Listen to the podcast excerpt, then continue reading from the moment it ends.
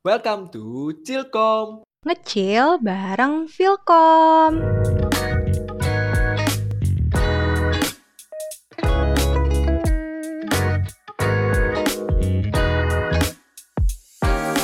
Halo guys, balik lagi nih sama Chilkom. Ngecil bareng Vilkom. Kenalin, nama aku Stefanus Fabiano sebagai host dari podcast episode ini. By the way, aku dari TIF 19. Nah, aku kali ini ditemenin sama Halo, nama aku Adib Aulia dari Sta- Udah pulau.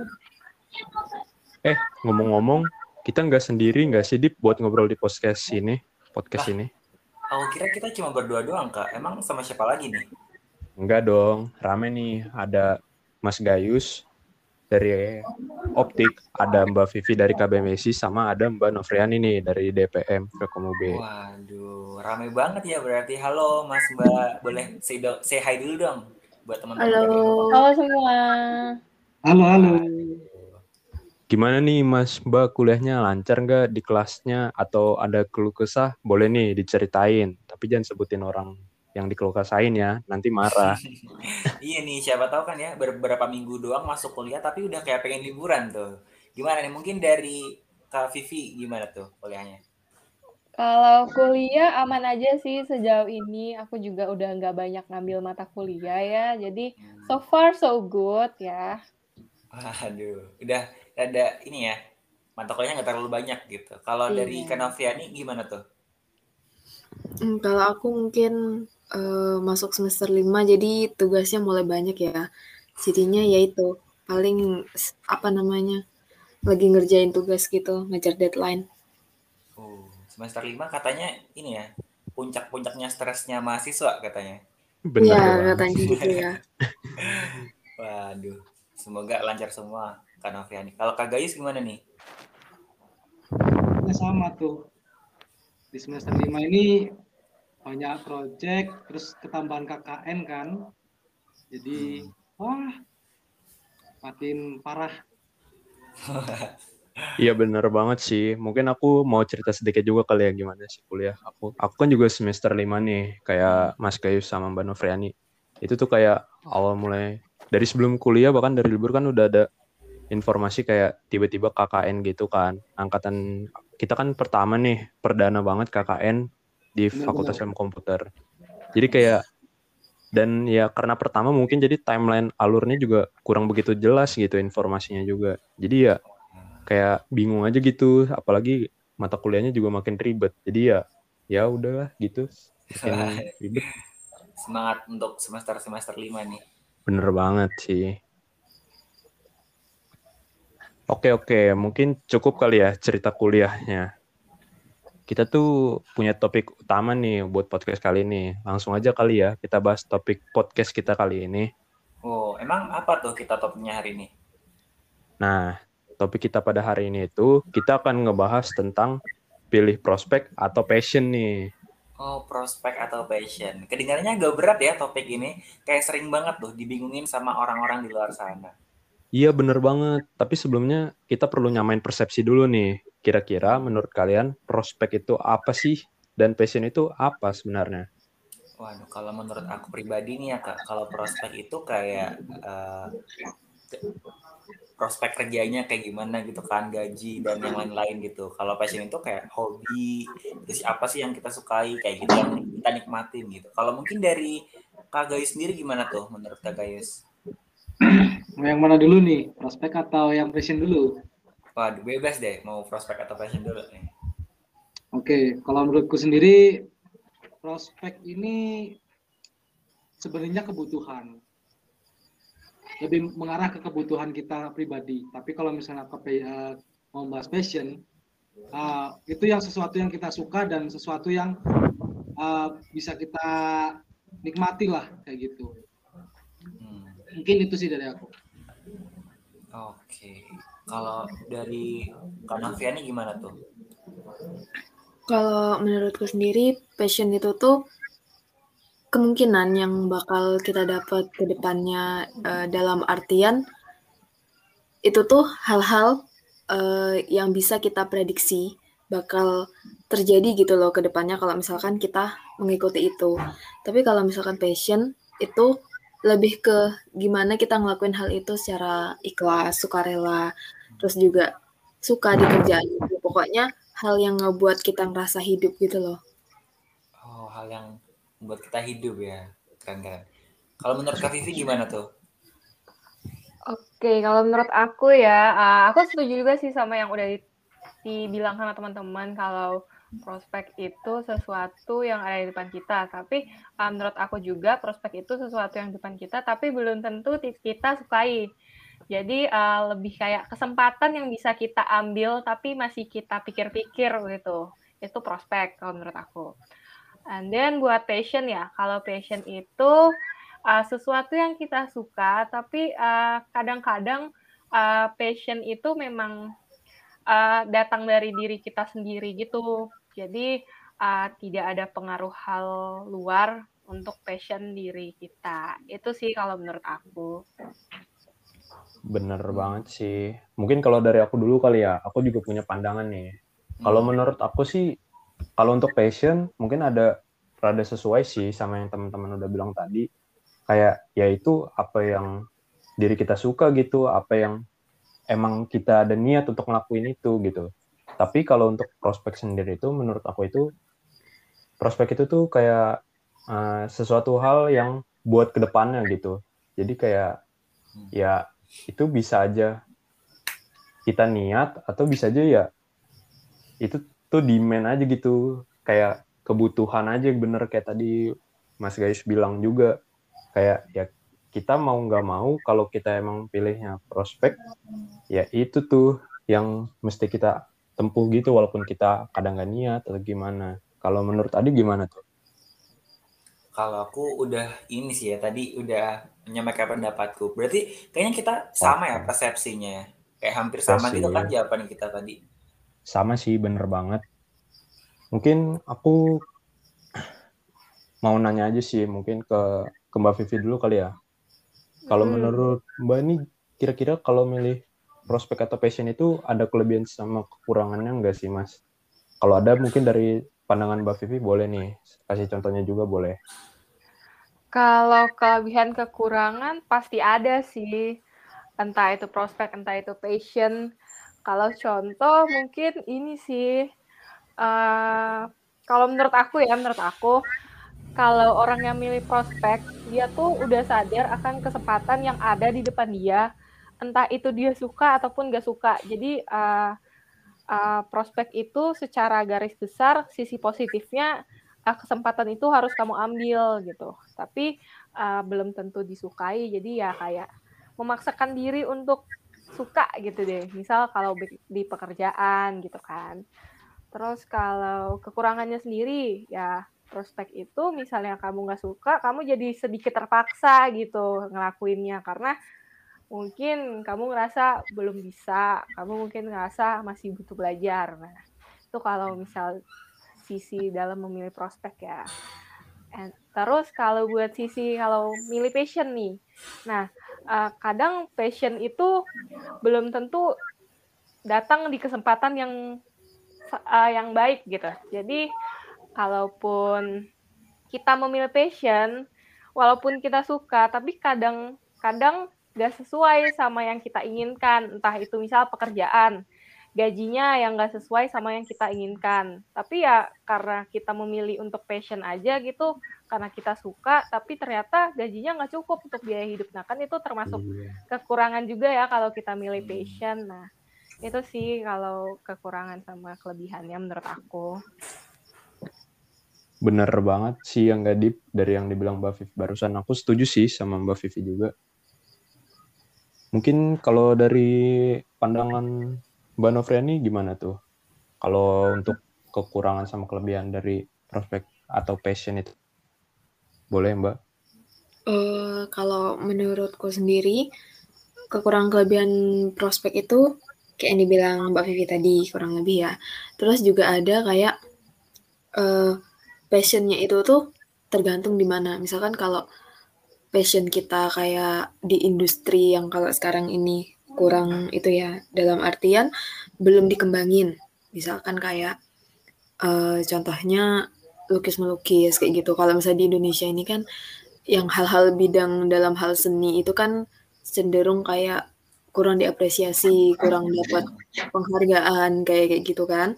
Terus juga kayak misal kita ngebuat gambar itu nanti kita uh, punya gambarnya itu terus kayak hak ciptanya itu kurang kurang kurang penegakannya itu kurang kayak gitu. Itu kan jadi kayak kalau misalnya kita punya passion di situ itu jadi uh, bisa dibilang kurang lah ya dalam uh, pengembangan ke depannya. Tapi kalau misalkan kita uh, sukanya emang passionnya di ngoding, terus passionnya ngembangin bisnis kayak gitu, itu kan enak gitu. Kayak kalau di Indonesia nih berarti pengembangannya itu lebih gampang kayak gitu.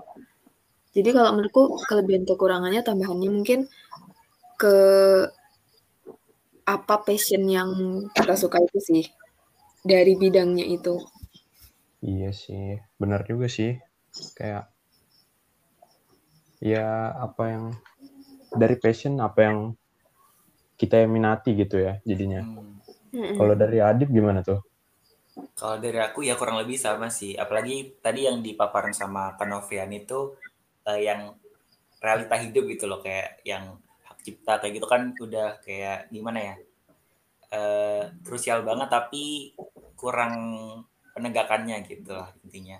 Jadi banyak banget uh, apa ya plus minus dari passion atau prospek. Mungkin dari Kak Gayus nih kalau misalkan disuruh pilih prospek atau passion pilih yang mana tuh Kak?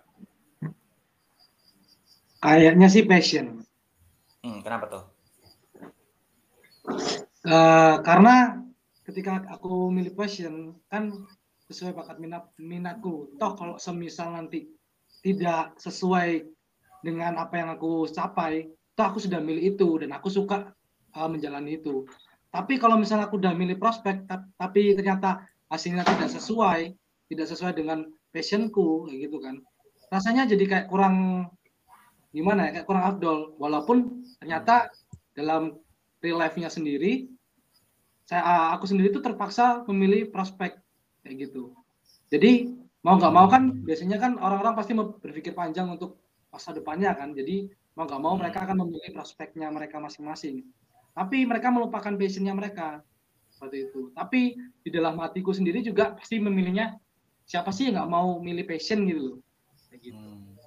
Kayak nggak menikmati ya kak kalau misalkan Bener kita sekali. terpaksa gitu ya. Benar. Emang kak ini passionnya apa nih kira-kira? Kalau aku passionnya ya puji Tuhannya juga kan sena apa namanya prospekku selama ini hampir mimpir apa mimpir-mimpir ke passion. Jadi hmm. passionku selama ini tuh ngedit video berhubungan dengan video terus oh. uh, foto fotografi kayak gitu. Oh, enak Berarti ya. prospeknya luas banget nggak sih itu ngedit video foto. Iya bener sih. Benar benar benar. Aduh. Jadi customers mau bilang apa tuh? Iya sih aku jadi masuk aja sih ke aku kayak berarti kalau dari Mas guys itu aman banget nih ya karena dari passionnya sendiri udah ya ada prospeknya juga gitu di passionnya. Jadi ya udah mulai enak lah gitu ya aman lah kalau bisa dibilang. Hmm, bisa dibilang kayak gitu. Mungkin biar kita seru nih tadi kan udah ini ya kita tanya pendapat masing-masing nih. Kita main study case aja kali ya biar seru gitu. Mau nggak? Boleh boleh Oke, jadi mungkin ya kalau misalkan nih pekerjaan kita sesuai passion, tapi udah nggak terlalu banyak dibutuhin tuh, dan gajinya pun juga sedikit. Nah, tapi kita bisa-bisa aja belajar untuk ngikutin pekerjaan yang banyak dibutuhkan ke depannya. Namun gak sesuai tuh sama passion kita. Nah, itu mungkin ntar aku minta pendapat masing-masing ya satu-satu. Dari kakak-kakak sendiri, lanjutin pekerjaan yang sesuai passion atau ganti tuh ke prospek yang lebih cerah. Atau ada pilihan lain, gimana tuh? Mungkin dari Kak Vivi dulu deh. Uh, dari aku ya untuk study case ini. Uh, sebagai pribadi yang emang suka belajar hal baru, aku tentunya memilih untuk melanjutkan pekerjaan dengan mengganti prospek yang lebih cerah. Jadi, hmm. uh, jadi uh, karena emang kebetulan menurut aku uh, kita itu bisa menambah hal-hal baru gitu loh dalam diri kita untuk membantu dalam pekerjaan. Jadi nggak harus itu-itu aja kayak aku nggak bisa secara egois bilang aku harus banget sesuai passion kan aku harus realistis ya kalau menurut aku makanya aku memilih untuk uh, ganti ke passion yang lebih cerah ke depannya. Oh, jadi kayak willing to learn gitu ya Kak Vivi? Iya willing to learn karena uh, menurut aku kita nggak bakal selamanya jadi orang yang itu-itu aja kalau kita nggak mengupgrade atau kita nggak mengganti sesuatu menambah gitu. Jadi harus hmm. gitu. Semakin lama ada hal yang perlu kamu tambah-tambah lagi. Bahkan ada hal yang harus kamu ganti. Lihat situasi dan kondisinya juga gitu. Oh, I see, I see. Keren banget sih pendapatnya. Kalau mungkin dari selanjutnya ke Novrian itu gimana? Uh, kalau dari aku pribadi, uh, aku lebih milih prospek. Uh, itu kenapa? Karena menurutku itu ada beberapa beberapa faktor yang bisa kayak uh, mempengaruhi pilihan pilihan kita gitu loh untuk memilih memilih prospek atau passion kayak gitu. Misalkan kayak yang pertama itu kayak uh, privilege bawaan kayak gitu. Misalkan kayak kita semua ini kan punya privilege untuk lanjut ke uh, perguruan tinggi negeri kayak gitu kan. Hmm. Tapi kan nggak semua orang itu mereka setelah masuk uh, perguruan tinggi itu otomatis mereka bisa milih apa yang mereka mau gitu habis lulus kayak gitu gitu kan terus juga uh, dengan mereka tahu privilege mereka terus juga tahu mungkin kekurangan mereka juga jadi mereka mungkin uh, bisa lebih milih kayak milihnya mungkin lebih ke prospek gitu ya kalau misalkan untuk untuk orang-orang yang kayak aku misalnya gitu kan. Uh, misalkan contohnya kayak orang yang punya privilege lebih misalkan untuk milih uh, passionnya mungkin. Kalau misalkan uh, dia uh, passionnya itu punya prospek yang lebih gitu untuk ke depannya nah kalau misalkan aku aku kan punya passion yang uh, bisa dibilang prospeknya itu suram gitu di Indonesia untuk uh, pertimbangan beberapa tahun berikutnya kayak gitu kan. Hmm. Jadi mungkin kalau misalkan aku, aku lebih pilih prospek karena kayak karena kayak misalkan uh, untuk hal-hal ke depannya kayak misalkan mungkin aku masih punya tanggungan kayak kayak gitu terus mungkin uh, ada hal-hal yang harus aku penuhin dulu sebelum aku bisa ngejar passion yang aku mau hmm. jadinya itu ya kembali ke keadaan masing-masing gitu loh. Jadi kalau misalkan di keadaan apa pun, kalau misalkan di situasi aku sekarang dikasih pilihan apa pun, aku tetap akan milih prospek. Oke, okay. oke, okay, oh. mencoba untuk realistis gitu kan sih kak? Iya, kayak gitu. Hmm. Menarik, menarik banget nih pandangan dari Mbak Vivi, Mbak Novriani juga sama Mas Gayus. Uh, mungkin aku dari aku sendiri kayaknya mau cerita nih. Aku juga punya pandangan nih kayak milih prospek atau passion. Jadi kan aku tuh aku cerita sedikit ya mungkin dari dulu tuh aku orangnya tuh selalu milih passion banget gitu kayak kayak milih jurusan aja teknik informatika kan aku kan kayak emang dari SD tuh aku udah udah kepengen gitu emang ada niatnya gitu hmm. kayak teknik informatika teknik informatika pokoknya harus teknik informatika karena emang aku kan emang dulu tuh suka matematika juga terus sama ya pokoknya suka yang kayak data-data gitulah kayak terus juga suka apa ya sebutannya kayak uh, analytical thinking itu aku suka banget mikir gitu nah terus tapi oh. tuh makin ke sini makin ke sini juga ternyata tuh nggak bisa seegois itu untuk 100% tetap di passion terus gitu loh.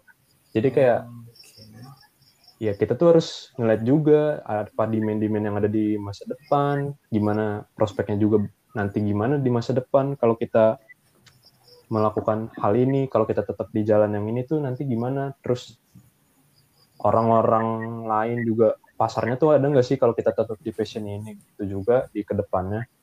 Itu ternyata tuh menurut aku sekarang itu mulai masuk kayak ya ternyata itu juga perlu dipikirin gitu ya nggak sih bener nggak sih kayak Iya. jadi ya kalau menurut aku sekarang sih ya nge-combine aja sih aku tapi aku lebih tetap ke passion walaupun aku ada pers- beberapa persen juga yang milih prospek gitu juga gitu Mungkin mungkin bisa lebih kayak gini ya Kak. Mungkin pertamanya kalau menurutku ya, pertamanya nanti kita milih prospek. Nanti mungkin kalau setelah keadaan kita membaik lah bisa dibilang kayak membaik gitu.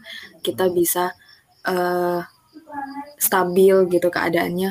Mungkin nanti bisa apa dibilang? Bisa geser gitu loh ke passion. oh iya iya kayak gitu gitu bener-bener sih Setuju, setuju, setuju. Berarti kayak kita ngeliat keadaan dulu gitu ya gimana. Iya, kayak gitu. Hmm, oke keren-keren. Tadi mungkin Kak Gayus kayaknya belum berpendapat deh untuk study case. Aku pengen denger nih dari Kak Gayus. Kayak gimana tuh untuk mengatasi study case itu? Gimana ya? Ah, kalau dari sudut pandangku sendiri, ya sebenarnya nggak salah juga kalau kita mau gimana-gimana maksain gitu ya. Tapi Hmm. banyak juga kasus di luar sana ya. Ini dari sudut pandang lain ya aku jadi ngangkat sudut pandang lain lagi gitu Iya. biar nggak monoton nih. Ah, ada ada studi kasus lain di mana eh, ketika kita benar-benar maksain prospek kita tapi kita kita nggak passion, contoh lah, udah tahu-tahu dia pintar eh, pintarnya di bahasa tapi dia masuk jurusan matematika tuh, itu ada kasusnya yang sampai mau bunuh diri kayak gitu. Nah, kira-kira nih, kalau kita ngadepin itu terus gitu, kita kan uh, nggak nyaman di situ, nggak nyaman. Dan apakah kita bisa benar-benar niat untuk menghadapi prospek itu? Nah, terus kita balik lagi kondisinya. Seandainya kalau kita niat ke passion itu, walaupun notabene ternyata oh tidak sesuai, tapi kita kan senang di situ. Ya, anggaplah kayak gini.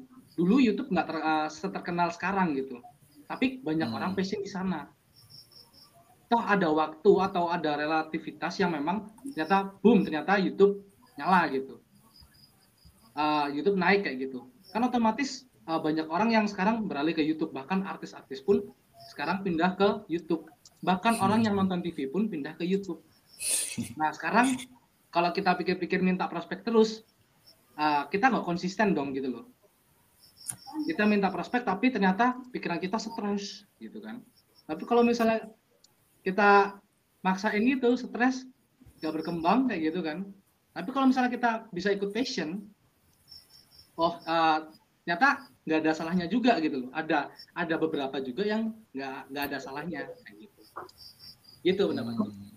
Tapi kalau aku nggak apa-apa sih, stres asal kaya. Kalau aku nggak apa-apa. Money oriented ya. Kalau aku nggak apa-apa. Stres asal kaya. Ya, nggak apa-apa aku nangis gitu kan, nangis nangis. tapi Nah, aku nangisnya di mobil, langsung tapi nangisnya di mobil Lamborghini kayak gitu. Itu nggak apa-apa. Coba. gitu ya. Tapi menurutku nggak gitu juga. Maksudnya nggak semua orang itu langsung kaya gitu loh. Dia ikutin prospek. Sekarang kalau semua orang ikutin prospek uh, by the way pasti semua orang juga udah kaya bro. Gitu loh. Kalau misal orang semua orang minta prospek gitu. Ya semua orang juga mau prospek dong gitu. Kenapa kok kita egois minta prospek-prospek terus? Saingan kita juga banyak. Kenapa kok kita nggak nyapa berpikir dulu oh passionku apa apa yang bisa aku lakuin agar aku bisa menciptakan prospek juga kayak gitu. Kalau aku nyebutin passionku itu nggak bakal kelihatan prospeknya tapi nanti. Ya emang passion cuma, cuma bisa satu atau cuma bisa satu gitu gak bisa berkembang gitu kan. Kan passion juga banyak gak cuma satu passion aja yang berprospek. Iya iya itu makanya yang tak bilang itu kalau misalkan punya passion, passionnya itu eh, kelihatan prospeknya ke depannya itu nggak masalah. Tapi kalau misalkan passionnya itu nggak kelihatan prospeknya ke depannya kayak gitu dalam artian itu harus merekonstruksi eh, sistem yang ada kayak kayak gitu kan berhubungan kayak misalkan Hmm. kayak yang aku bilang tadi berhubungan sama peraturan, berhubungan sama yang lain-lainnya kayak gitu. Nah itu bakal susah banget. Eh, aku boleh langsung nanggepin nggak Iya Oh, boleh. boleh, boleh. Ah, kenal Gojek kan tahu Gojek kan? Dulu itu coding tidak ada prospeknya sama sekali. Gak ada orang menyangka Gojek bakal jadi prospek yang bagus. Makanya ada namanya slogan. Coba aja dulu. Ya nggak sih? Oh iya, iya. Kalau kita nggak mencoba dulu, mau kita tahu mau apa? Mau kita ta kapan gitu loh kita tahu kalau itu berprospek gitu. Kalau kita masih ngotot, oh prospek-prospek, orang bisa gambar semua, ke gambar semua, bisa musik semua, ke musik semua. Sekarang kita lihat aja wes TikTok. Nanti lama-lama juga pasti orang bosen ke Instagram. Pasti nanti kalau ada yang lain, masa ya orang mau lari juga ke situ gitu. Begitu. Nggak cocok sih kalau itu sama aku. Soalnya karena menurutku orang yang bisa punya kesempatan untuk nyoba, dia pasti seenggaknya eh, keadaannya itu harus lebih stabil. Seenggaknya dia punya banyak pilihan. Kalau misalkan dia gagal, dia bakal masih punya pilihan lain. Tapi kalau misalkan ada orang-orang yang misalkan dia milih passion, kalau gagal, habis semua, dia nggak punya kesempatan lagi. Makanya kalau itu aku bilang, itu balik lagi ke privilege masing-masing. Uh, kalau misalkan punya privilege lebih, milih fashion, itu nggak apa-apa. Tapi kalau misalkan kurang, itu pilih yang terdekat dulu. Kalau misalkan udah stabil, pilih prospeknya. Kalau misalnya di, kalian di prospek itu udah stabil, kalian nanti mau milih ke passion atau milih hal lain, itu nggak masalah.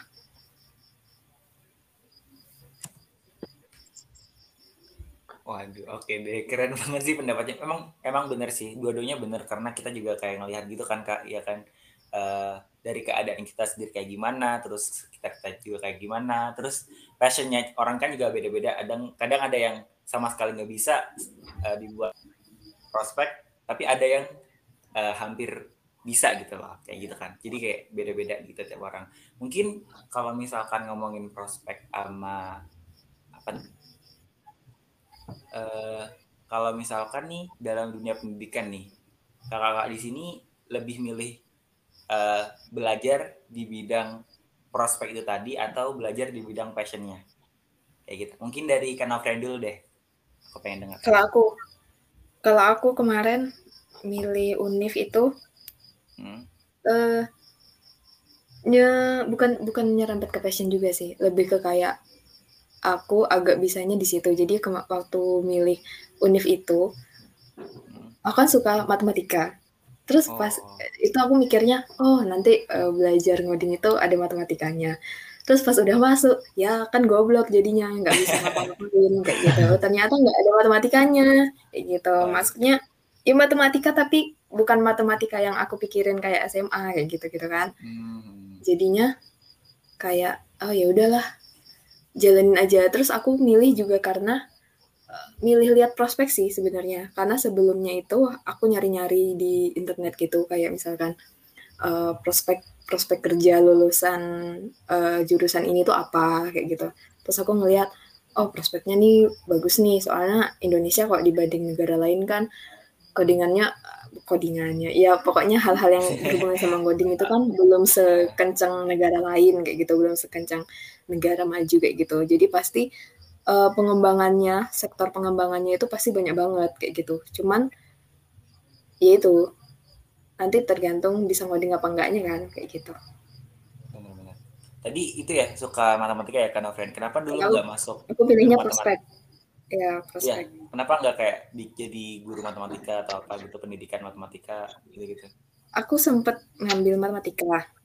Hmm. tapi kan nggak keterima. Nah, ya karena nggak keterima itu uh, aku ngegap setahun. Habis itu nyoba ujian lagi terus aku uh, sebel kan sama jurusan matematika ah nggak mau ngambil matematika lagi lah kayak gitu kan terus ya udah iya nyari jurusan yang uh, bisa ngitung-ngitung juga kayak gitu. Oh. Terus habis itu tapi nggak yang nggak ada fisikanya kayak gitu. Oh. Jadi kalau di teknik itu kan pasti ada fisikanya. Betul. Iya. Yeah. Ngambil ngambil di MIPA itu kalau nggak salah ada wajib fisikanya. Nggak jadi.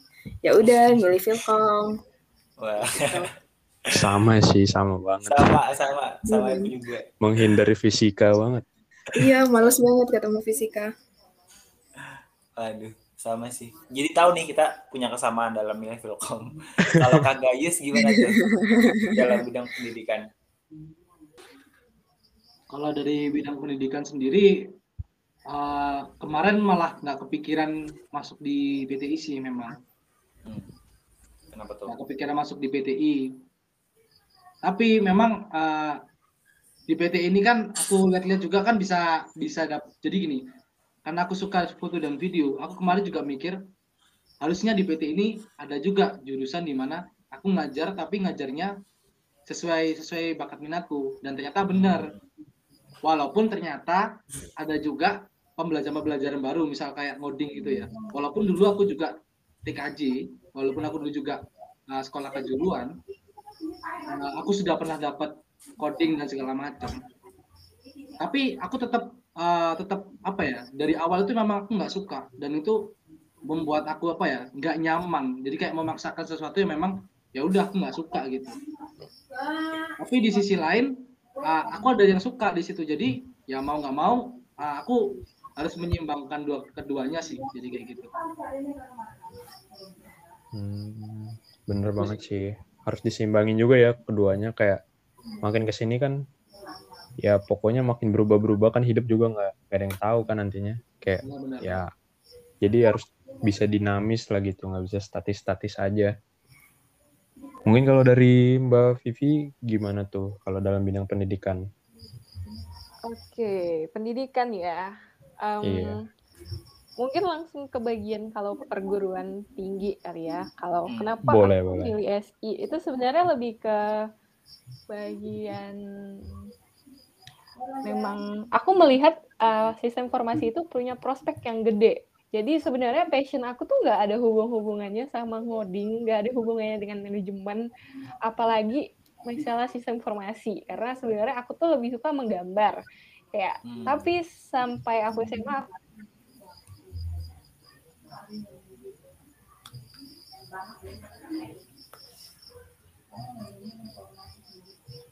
Halo, suara Mbak Vivi hilang nggak sih? Iya, hilang suaranya. Oh iya. koneksinya nggak sih? Iya sih, bisa jadi koneksi. Halo Mbak Vivi mungkin? Lagi bermasalah lagi internetnya. iya nih. Eh. IndiHome ya. Eh, kok disebut? aduh. aduh. Emang aduh. udah jadi berita Halo, suara aku masuk gak sih? Udah masuk, masuk. masuk. Udah masuk Mbak sekarang tadi. Iya. Sorry ini Indigo ini mereknya ya. Bener kan? lagi. Oke, tadi udah sampai mana ya? Aduh, ulang aja kali ya. Oh iya, aku ulang sampai aja kali ya. SI manajemen gitu, Mbak. Oh iya, iya, iya.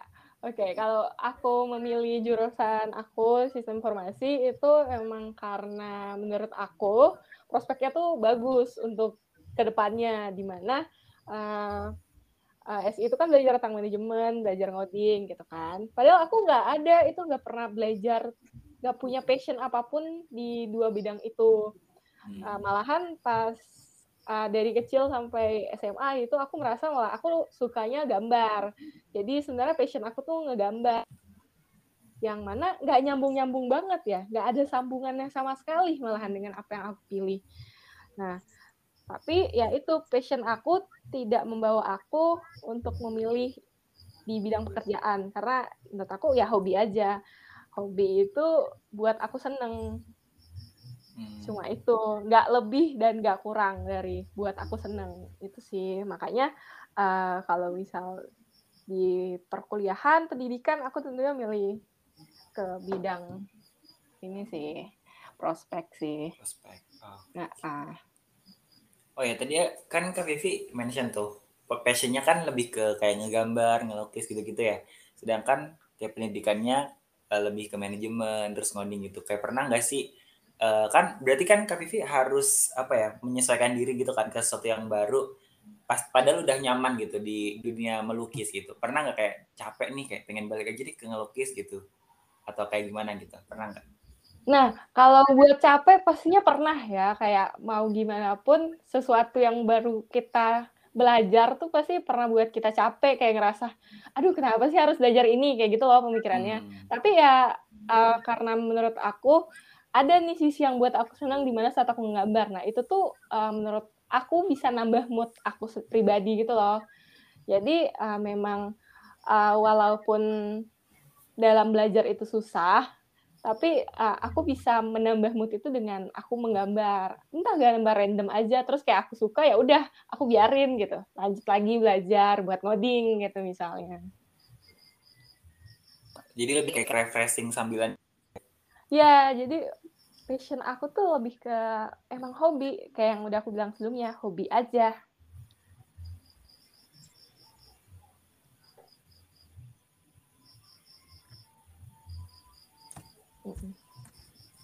Oke oke. Mungkin kalau dari Adip mungkin gimana nih? Kan dari tadi dari teman-teman lembaga nih. Kalau dari Adip sendiri gimana nih? Passion hmm. sama itunya gimana tuh? Udah sesuai belum? Di jurusan Uh, sekarang. passion. Iya. Jujur nggak sebenarnya sesuai nggak sesuai sih karena kalau ngomongin passion kan bukan cuma satu ya karena uh, aku sendiri ngakunya passionnya ada beberapa gitu kayak hal ini juga enjoy, hal ini juga enjoy, hal ini juga enjoy, nggak terpaku sama satu bidang gitu. Ada beberapa bidang yang masuk uh, di pendidikan aku, tapi ada beberapa bidang lain yang nggak masuk gitu.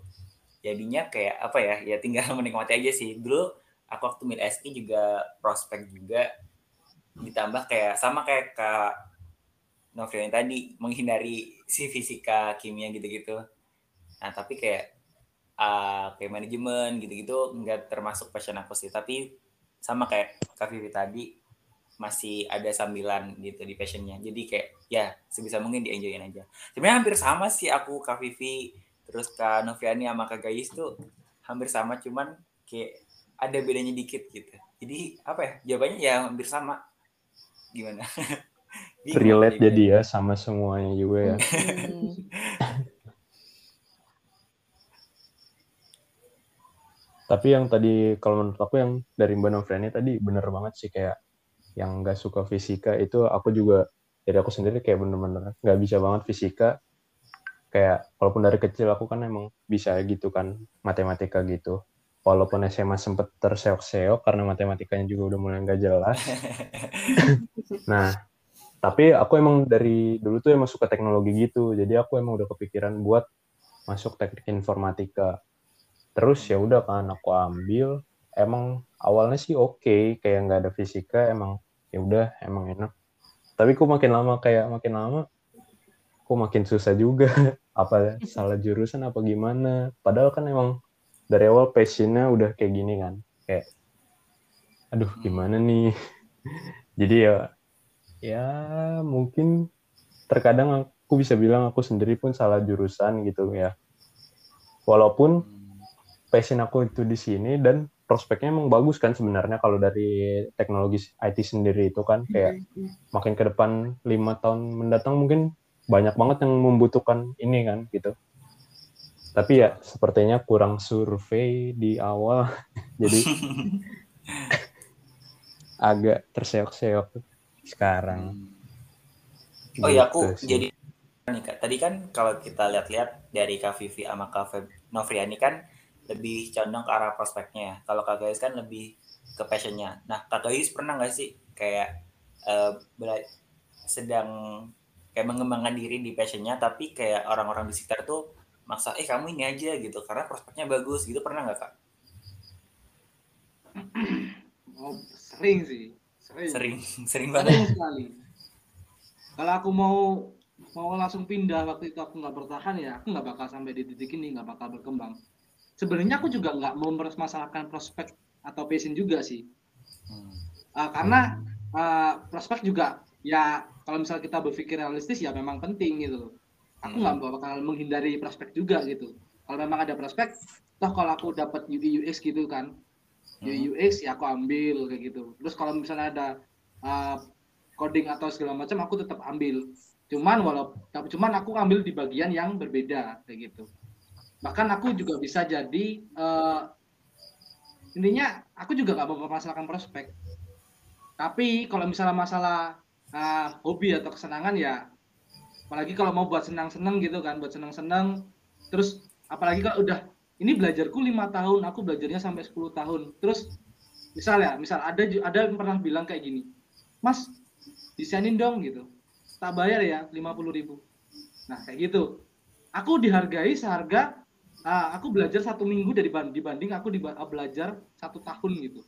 Pernah kayak gitu. Padahal dia belum tahu aku desain kayak gimana atau aku ah, foto kayak gimana aku video kayak gimana. Itu menurutku nyesek banget kayak gitu.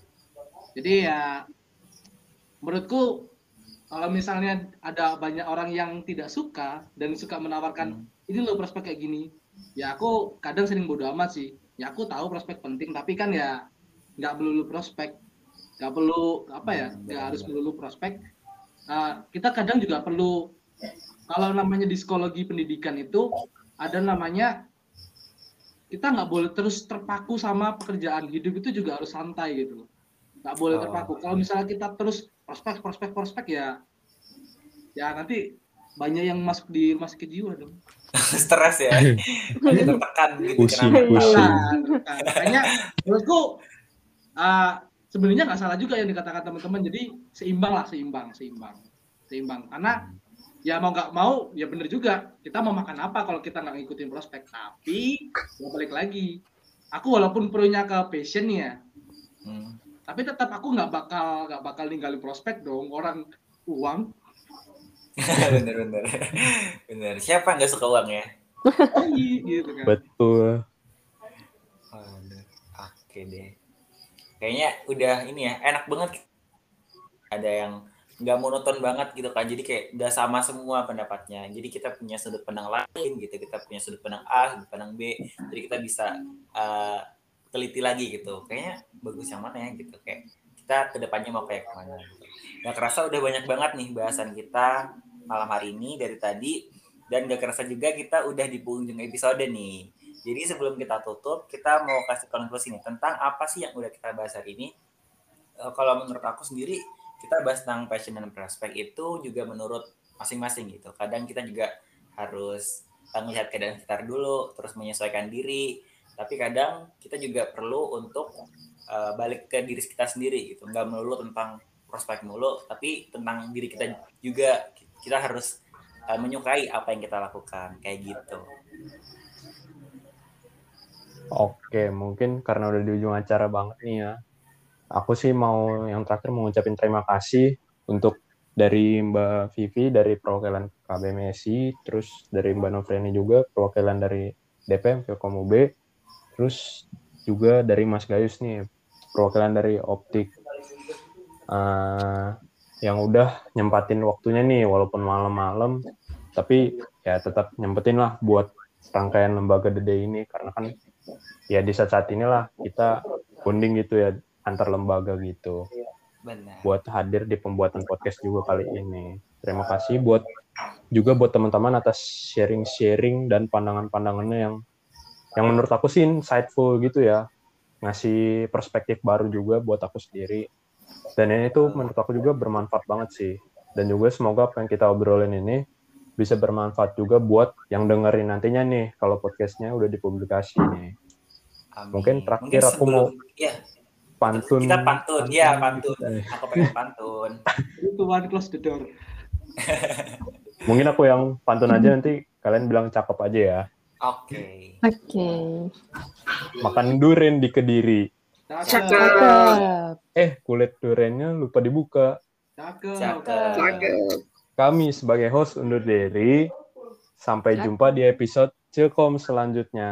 Terima kasih teman-teman. Terima kasih. Terima kasih. Kak. Bye bye. Thank you, thank you. Bye. Thank you. thank you thank you